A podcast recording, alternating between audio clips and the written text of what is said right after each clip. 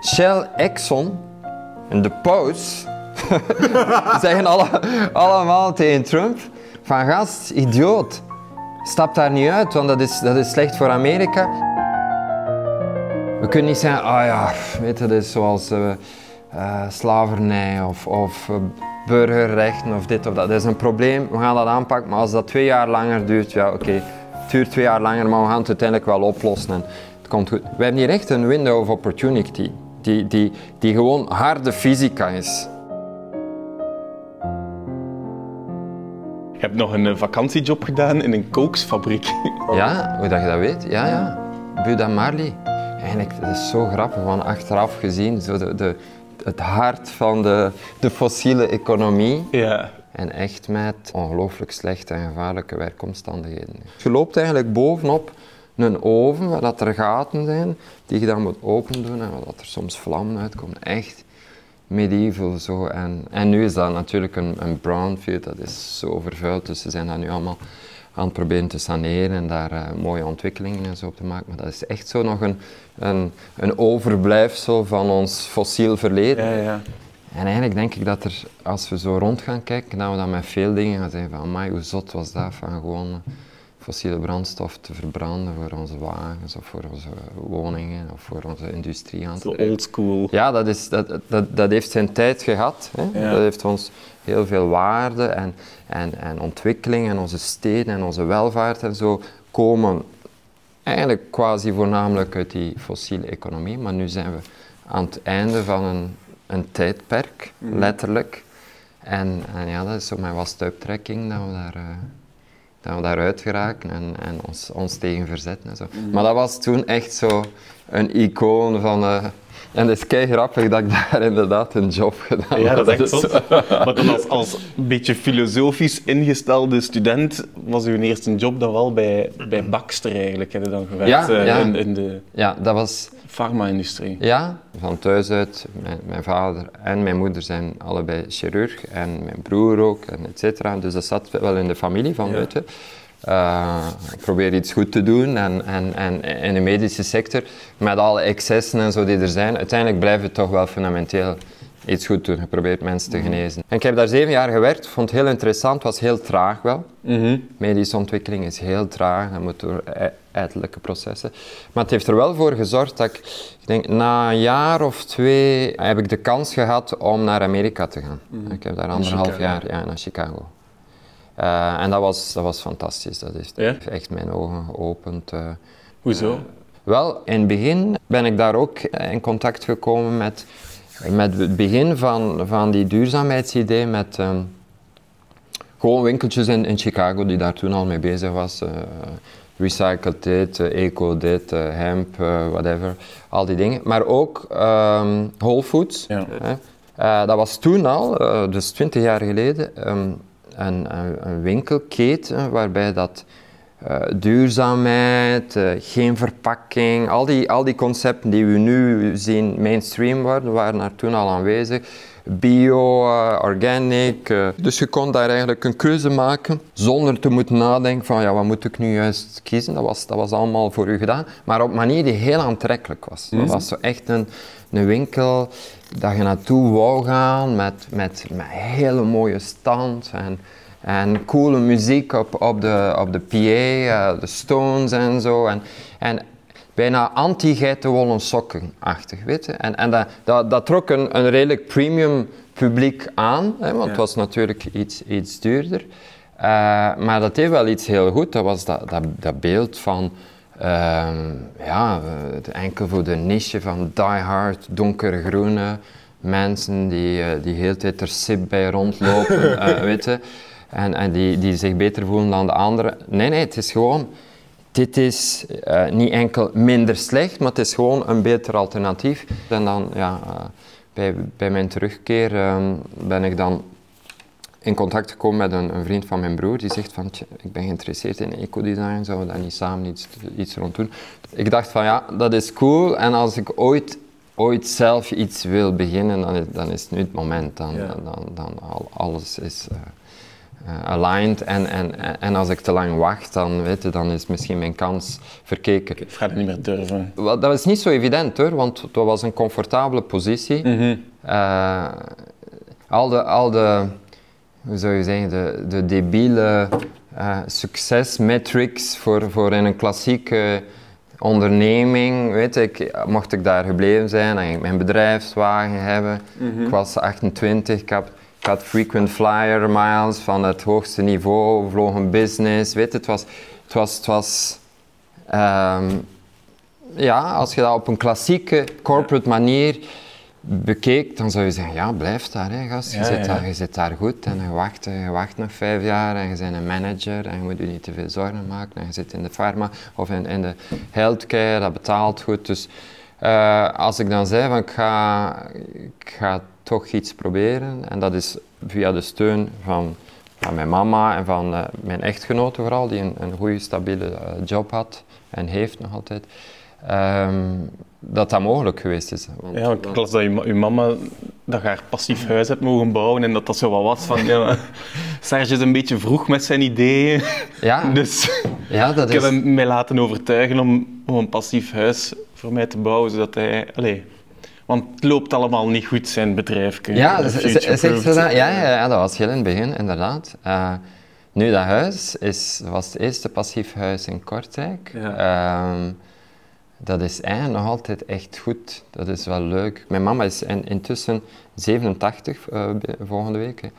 Ehm, en voor oudere mensen, als je daar zo binnenkomt, is het is goede lucht, het is aangenaam, er is veel licht. eh, ik heb zoiets van, ah, op zich is dat wel ja, leuk van in zo'n omgeving oud kunnen worden. En dat, dat leek toen een beetje voorbarig, maar nu is dat echt mainstream eh, Ja. geworden. Hè. Je ziet het ene passief appartement na het andere of, of bureaus. eh, bouwen en, en tegen 2021 zijn alle nieuwbouwen verplicht eh, energie-neutraal of quasi-energie-neutraal.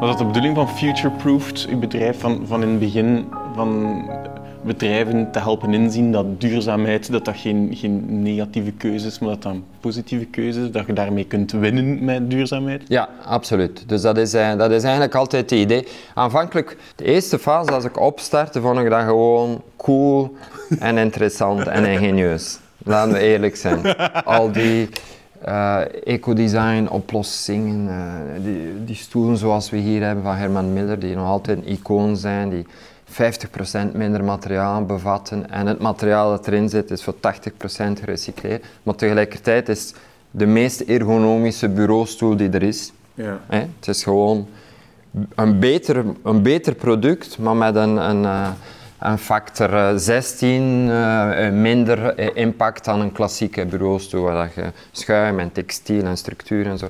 Dus die, die ingeniositeit naar verlichting, naar, naar al- alle, alle producten die, die we gebruiken in ons leven en, en op het werk en zo, dat was hetgeen dat mij dreef van, oh, dat is wel... Ja, dat drijft u als ontwerper toch echt wel zo naar de, Ja, de het extreme van uw kunnen eigenlijk. Dat je en minder materiaal Ja, en zo ja, inderdaad. Dat is de Inderdaad. grootste challenge die je kunt hebben. Absoluut, ja, inderdaad. Want, want eh, allee, de, alle, alle ontwerpers, precies, als ze boundaries, allee, als, als beperkingen, je gaat het daarmee moeten doen. Of een goede architect die een klein, een slecht stukje grond ergens, een driehoek, ja, hoe ga ik daar iets eh, interessant op kunnen maken? En, en echt door ingeniositeit, oké, het beste uithalen. Eh, precies, dus dat was dat. Ik vond dat, ik vond dat, dat meer eh, exposure en zo verdiende en, en dat de mensen die dat zochten, bedrijven en zo die dat zochten, dat die dat gemakkelijker moesten vinden. Dan is er een tweede fase gekomen, nadat ik eh, Al Gore zijn eh, presentatie gezien heb, nog lang voor de film, dat was in 2004, ja, de webcast. zo. Ja. Ja. inderdaad. De, de webcast van Al Gore heeft voor mij alles veranderd. Want daar zie je daar voor het eerst die, die grafieken die 800.000 jaar in, in de tijd teruggaan. En die aangeven dat eh, CO2 en temperatuur mooi samen fluctueren. En dat plots hier, de laatste 150 jaar, dat dat de hoogte inschiet en dat we eigenlijk hoger uitkomen dan wat dat we ooit geweest zijn. die- Ik dacht van, hé, dat, dat kan toch niet bedoelen, als, als dat effectief zo is, dan zou dat, dan zou dat bijna iedere dag pagina 1 nieuws moeten zijn. Dus Mhm. op dat moment is de focus heel erg gegaan naar klimaat. Ja, maar je zit daar achter je bureau naar die webcast te kijken, dat is dan s'avonds laat waarschijnlijk. Daar in het donker, iedereen is al gaan slapen en jij zit naar die webcast te kijken met voor u het grootste nieuws dat je eigenlijk ooit hebt gehoord. Ja, Als je die grafiek ziet, ja, ja. dat moet toch een zot gevoel zijn dat je beseft van hoe kan het dat niemand dat weet? Ja, het is, het is een heel eenzaam, idioot gevoel. Zo van, allee, ben, is, is dat nu zo? Ben ik, ben ik, ben ik alleen in, in die bijna paniekachtige reactie? En, en hoe komt dat, dat, als dat als dat zo is, hoe komt dat dan dat de overheid en dat de industrie daar niet gewoon op de barakken staat? En, Ja, ja. en- maar, maar ik had zo wel iets van, ja, voor, voor mij is alles helder voor future-proofed. Alles ga ik nu echt laten kristalliseren rond die ene, dat ene topic, hè, klimaat. Want als we dat niet opgelost krijgen, dan gaan alle andere milieu- en maatschappelijke problemen eh, eigenlijk ook eh, nooit opgelost geraken. En dat is, eh, vanaf dat moment is de focus niet meer van, ah, dit is cool, ik ga dat ook, maar choose your battles. Waar, waar moeten we op inzetten? Eh, als we willen ehm, die, die CO2-uitstoot eh, eh, verminderen, welke zijn de hefbomen en hoe kunnen we dat doen op een manier die aantrekkelijk is? En dat, is dat was uw oorspronkelijke vraag. Hoe kunnen we ervoor zorgen dat à la Whole Foods, dat je dat niet doet omdat je onder sociale druk gezet wordt om dan toch je rauwe tofu te gaan eten of zo, hoewel ik dat soms lekker vind. Laten we daar... eh, ik zocht een goed voorbeeld. dat goed gemarineerd is. Nee, nee, nee, golden tofu, ja, als dat zo'n beetje geroosterd is en, en, en Aziatische gerechten of zo. Maar weet je, je, je begrijpt wat ik bedoel, hè, dat je zo geshamed wordt. Dat je niet een truiendag Ja, ja, moet ja. organiseren Ja, om... voilà. eh, ja. Ja. En maar dat, maar dat de mensen zeggen, we willen dat. Als je solliciteerde om klimaatambassadeur te worden bij Al Gore, was dat al een beetje uw, uw verhaal. Hè? Veel, je had zijn verhaal gehoord, wat dat wat negatief was van insteek of waarschuwend. Ja. En je wou vertellen over het feit dat de technologische oplossingen eigenlijk voorhanden zijn en dat het inderdaad gevaarlijk is en Ja. dat de, de situatie dramatisch is, Ja. maar dat het tegelijk technologisch gewoon eh, een interessante uitdaging is. Absoluut. Heel snel als ik die presentatie ben beginnen geven, heb ik daar een heel stuk van mezelf aan toegevoegd. Omdat ik merk, als je gewoon de Inconvenient Truth slides toont, dan de mensen die al zoveel zorgen hebben, ja, die zeggen, what the fuck, mijn enige vrije avond en dan kom ik hier en ik heb dan een babysit voor en ik ga, ik ga nog drie keer zo gedeprimeerd naar huis. Dat is, dat, is, dat is niet leuk. En die oefening is nog altijd moeilijk. Als ik voor een publiek sta, iedere keer opnieuw, dat is nooit routine, stel ik mij de vraag, hoe kan ik dat verhaal beter brengen? Want als je enkel het stuk van de duurzame economie vertelt, superboeiend, Tesla's en interface en Patagonia en passief huis en, en zelfrijdende auto's en zo. Ah, cool, ja, dat is een verhaal dat iedereen, ja. Maar dan laat echt wel een belangrijk stuk weg. Dan, heb je, dan geef je aan van, oh ja, dat zal ooit wel gebeuren. En als dat 10 jaar of 15 jaar langer duurt, ja, so what. Dat is de toekomst waar we naartoe gaan. Ah, cool, tof. Eh, als je enkel het stuk over de afgrond voor de welke we staan, als je enkel dat vertelt, ja, dan is het bijzonder deprimerend. Dus die balans tussen echt wel de feiten te vertellen zoals ze zijn, maar dan toch nog de mensen met een hoopvolle, positieve emotie naar huis sturen, dat ze zeggen van, ik wil daar deel van uitmaken. Ik wil daar deel van uitmaken in mijn bedrijf, door dat in te nemen, op te nemen in de strategie en ervoor te gaan. Of ik wil eh, als stad daar iets aan doen, hè, stad, perfecte schaal. Of ik wil als burger keuzes gaan maken eh, in een manier waarop dat ik mij verplaats, of voor mijn woning, of voor mijn voeding, of ik wil eh klimaatzaken of, of, of gaan betogen of zo. Weet je, ik, ik wou dat de mensen naar buiten gingen en zeiden van yes, dit is dringend, maar aantrekkelijk en, en doenbaar en ik, ik weet waar dat ik... eh, Het viel mij op dat in 2006, als je terugkomt van Al Gore, uw, uw verhaal heel hard was van ehm, met de burgers en met de bedrijven gaan we er geraken. We hebben de politiek niet nodig, staat er niet expliciet in, maar impliciet wel. En het is nog maar een jaar later dat je een nieuw interview geeft en dat de kop is, we hebben politici met lef nodig. Dus op een jaar tijd, een jaar waarin dat je heel veel presentaties, denk meer dan 120 presentaties mhm, geeft, mm kantelt dat van we gaan het met de burgers en de bedrijven alleen kunnen naar ja. we gaan de overheid nodig hebben om dit te doen slagen. Wat is er gebeurd? Hmm, dat is interessant dat je die shift, uh, ik was me daar niet van bewust, maar ik begrijp van waar dat, komt. Ik was ervan overtuigd, ik ben er nog altijd van overtuigd, dat uh, pionierende ondernemingen en burgers die dat belangrijk vinden en die keuzes maken om een woning zo te isoleren of om te kopen bij Patagonia of bij, bij EcoPower of dit of dat, dat je heel veel kunt doen met je portemonnee. Mhm. En niet ene keer iedere vier jaar een bolletje kleuren, maar dat je eigenlijk ieder, iedere dag, op ieder moment van de dag, een politieke keuze kunt maken door het soort broodje dat je koopt, of de energie dat je koopt, of je transportmiddel dat je kiest, of uh, um, een soort kleren of zo dat je koopt. Dat dat uiteindelijk de drijfveer is van de economie. Mm low cost uh, Disney t-shirts, ja, die moeten van ergens komen. Uh, je kunt kiezen om je broek te laten herstellen of, of niet. Maar vrij snel heb ik beseft van ja, weet je, dat is zo'n uitdaging.